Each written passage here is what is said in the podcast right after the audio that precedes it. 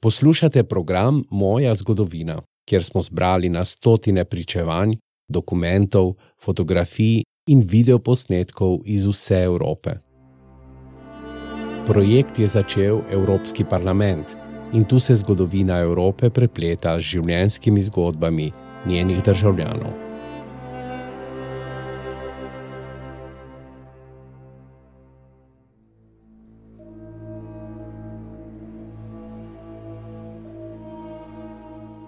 Prisluhnimo zgodbi o Katarini in njeni družini, zgodbi o preživetju.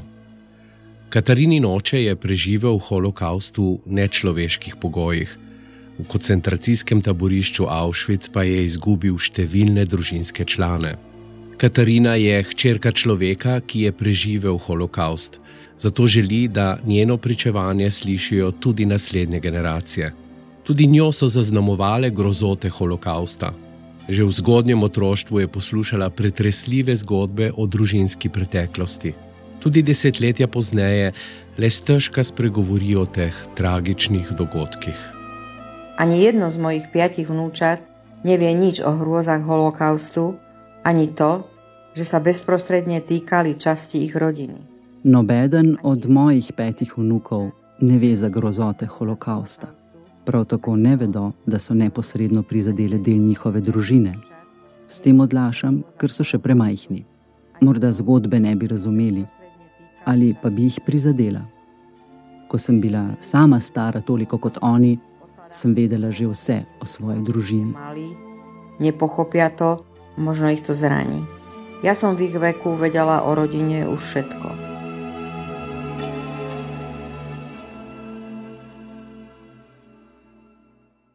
Katarinini stari starši so s svojimi petimi otroki živeli mirno družinsko življenje v kraju Komarno na današnjem Slovaškem. Bili so družina mačarskih judov in so imeli pekarno. Območje Komarna je bilo med drugo svetovno vojno del Mačarske. Nacistična Nemčija je leta 1944 okupirala Mačarsko in začela deportirati jude z tega območja v koncentracijska taborišča. Nekega junijskega dne je v pekarno v spremstvu nemškega vojaka vstopil mačarski znanec Katarininih starih staršev. Pred očami starej mamy starého otca surovo zbil, nadával mu do židov a naložil ho do auta. Pred babičnimi očmi je surovo pretepel detka, ga popljuval, ker je bil jud, na to pa ga strpal vozilo. Odpeljali so se v smeri Gjera. Tam naj bi detka med poskusom bega ustrelili. Babico in njenega sina Gjulo so odpeljali na zbirališče v mestni Trdnjavi. Od tam so jih na to prepeljali v koncentracijsko taborišče Auschwitz. Tam so, tako so povedale preživele priče, kmalo po prihodu ocenili, da nista sposobna za delo. Zato so ju poslali naravnost v plinsko komoro. Moja babica je štela 68 let. Toliko jih imam danes jaz. Pravijo, da je bila prijazna, skromna in mrljiva. Mala vtedy toľko ako ja teraz, 68 rokov. Bola to láskavá, skromná, pracovitá žena. Katarinini stari starši so imeli pet otrok. Eden od njih, Wilhelm Šandor, rojen leta 1905, je bil Katarinin oče. Prijel se ga je vzdevek Šani. Pri 26 se je poročil z Alžbjeto, ki so jo vsi klicali kar Bözi. Šanja so upoklicali v mačarsko vojsko, kjer je delal kot voznik tovornjaka. Prevažal je ranjence in streljivo. Leta 1942 so ga poslali v delovno taborišče ob reki Don v Rusiji. Tam jih využívali na najťažšie práce. Cieľom bolo, aby žiadny žid neprežil. Tam so morali opravljati najbolj težaška dela. Cilj je bil, da bi pomrli prav vsi ljudje. Leta 1943 je oče skupaj z judovskim prijateljem pobegnil z ruske fronte. Na begu sta trpela hudo pomanjkanje. Uspelo jima je prečkati frontno črto in se pridružiti Rusom. Kot po čudežu je preživel, čeprav je pretrpel dolgotrajno lakoto, surovo zimo, več bolezni in celo tifus. Pri življenju ga je ohranjala misel na družino, h kateri se je želel vrniti. Naposled je prispel v rusko taborišče za vojne ujetnike v Tambovu, kjer je ostal do septembra 1945. Nakoniec sa dostal do ruského zajateckého tábora v Tambove, kde bol až do septembra 1945.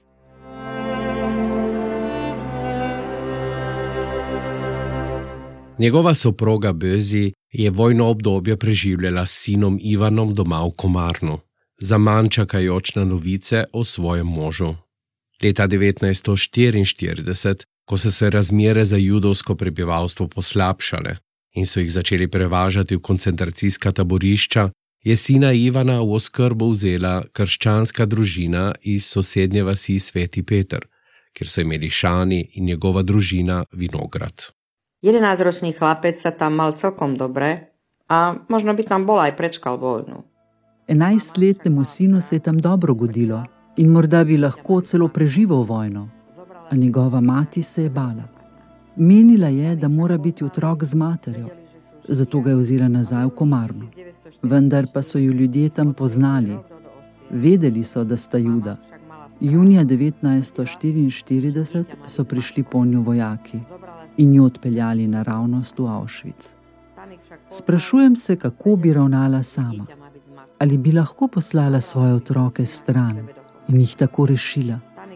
Vesela sem, da se mi nikoli ne bo treba soočiti s tem vprašanjem. Ako by som sa zachovala ja, či by som dokázala dať deti preč od seba, aby som ich tým zachránila. Som rada, že som nebola vystavená takejto dileme. Šanjeva soproga Bözi in sin Ivan nista bila edina, ki so ju prepeljali v Auschwitz. Istočasno so deportirali tudi Bezino sestro Lili, ki je bila poročena Šanjevem bratom. Za Bözi je bilo med izbirnim postopkom ob prihodu takoj ocenjeno, da ni sposobna za delo, saj ima majhnega otroka. Za sestro Lili so ocenili, da je sposobna delati. A Lili je menila, da spadajo skupaj, saj so družina. Za vse tri je to pomenilo smrtno obsodbo.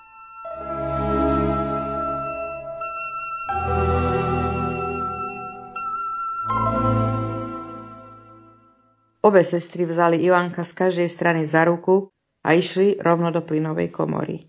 Sestri sta prijeli Ivana za roke. Odvedli so jih naravnost v plinsko komoro. Kakšne strahove morala preživljati ta mlada ženska, ko je svojim sinom stopala v plinsko komoro. Le kaj mu je rekla? Zgodbo poznam le po očetovih pripovedih, a vsakič, ko jo komu pripovedujem, in res jo je treba vedno znova poudarjati, se mi v grlu naredi smog in se mi vlijajo solze, pa čeprav je od tega strahovitega dogodka minilo že 75 let. Stiahne mi hrdlo a plačem, hoci už uplynulo 75 rokov od tej otrasnej udalosti.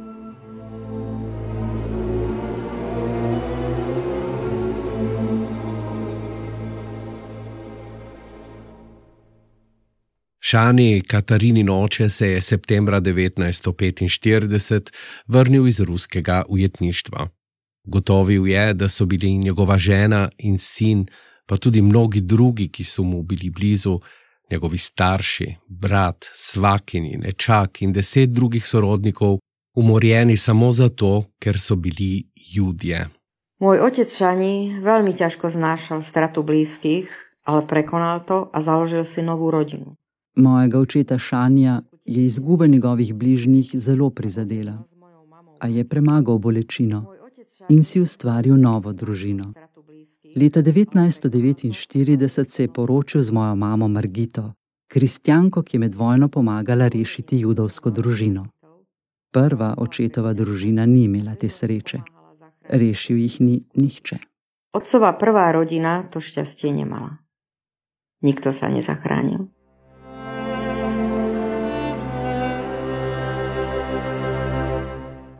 Šani ni nikoli pozabil svoje prve soproge Bezi in njunega sina Ivana, a je pozneje z novo soprogo Margito ustvaril novo družino in imel dve hčeri.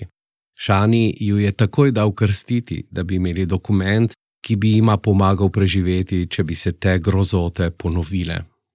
In na to je usoda udarila znova. Ob koncu druge svetovne vojne je bilo komarno del Češko-Slovaške. Komunistični režim je leta 1948 v procesu nacionalizacije zasegal večino zasebne lastnine. Na to je leta 1952 sprejel predpis, s katerim je bilo mogoče prisilno izseliti ljudi, ki niso bili vredni zaupanja. V skladu s tem predpisom je bila Katarinina družina prisilno izseljena iz doma. Njihova hiša je bila dodeljena umetniku, ki je bil član komunistične partije. Katarina je bila stara takrat šest mesecev, njena sestra Marika pa je imela dve leti. V hišo so se dve leti pozneje vrnili, vendar je komunistični režim Katarinega očeta na to brez razloga in brez sojanja pahni v ječo. Tam je preživel pet tednov, od tega dva v najbolj okrutnih razmerah v rudniku Rana Jahimov. Katarina je bila takrat stara šest mesecev, njena sestra Marika pa je imela dve leti. V hišo so se dve leti pozneje vrnili, vendar je komunistični režim Katarinega očeta na to brez razloga in brez sojanja pahnil v ječo. Tam je preživel pet tednov, od tega dva v najbolj okrutnih razmerah v rudniku urana Jahimov. To, čo prežil on, sa prihodilo malo komu. Redko kdo je prestal toliko kot on. Njegovo življenje je bilo polno tragedij. Ne vem, odkot je imel moč, da je premagal vse to trpljenje in ohranil zdravo pamet. Nič ga ni zlomilo. Našel je način za izhod iz najbolj nerešljivih težav. Moj oče je bil močna osebnost, inteligenten, pogumen, iskren. Med ljudmi je bil rad razposajen, doma pa bolj redko beseden. Kadar se je mati pritoževala, je rekel: Ne skrbi, draga, prišli bodo boljši časi. Držal se je načela: nikoli ne obupaj. Dočakal je 91 let. In ob koncu svojega življenja se je vedno pogosteje vračal k vojnim dogodkom. Spraševal se je, zakaj se je to moralo zgoditi, zakaj so njegovi bližnji morali umreti, čeprav so bili nedolžni. Čoraz častejšie k vojnovým udalostiam a pýtal sa, prečo? Prečo jeho drahí museli zomrieť, hoci boli nevinní? Čeprav je to v nasprotju z judovskimi pogrebnimi običaji, je Šani želel, naj ga po smrti upepelijo enako kot člane njegove družine, ki so zgoreli v pečeh koncentracijskih taborišč.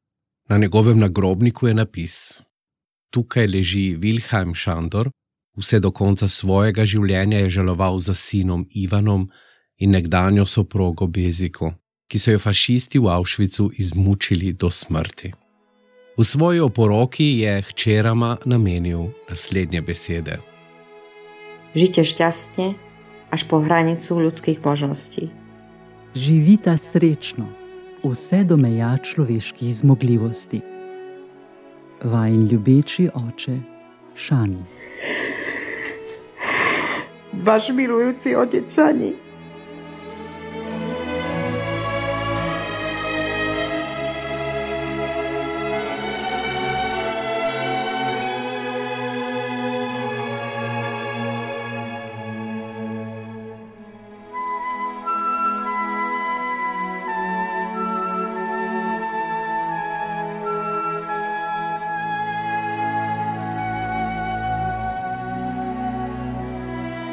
Poslušali ste program Moja zgodovina. Evropski parlament je ta projekt pripravil v sodelovanju z državljani iz vse Evrope. Če vas zanima več o podcastih, ki jih pripravlja Evropski parlament, vas vabimo, da nas poslušate na Europarl Audio ali pa obiščite portal My House of European History.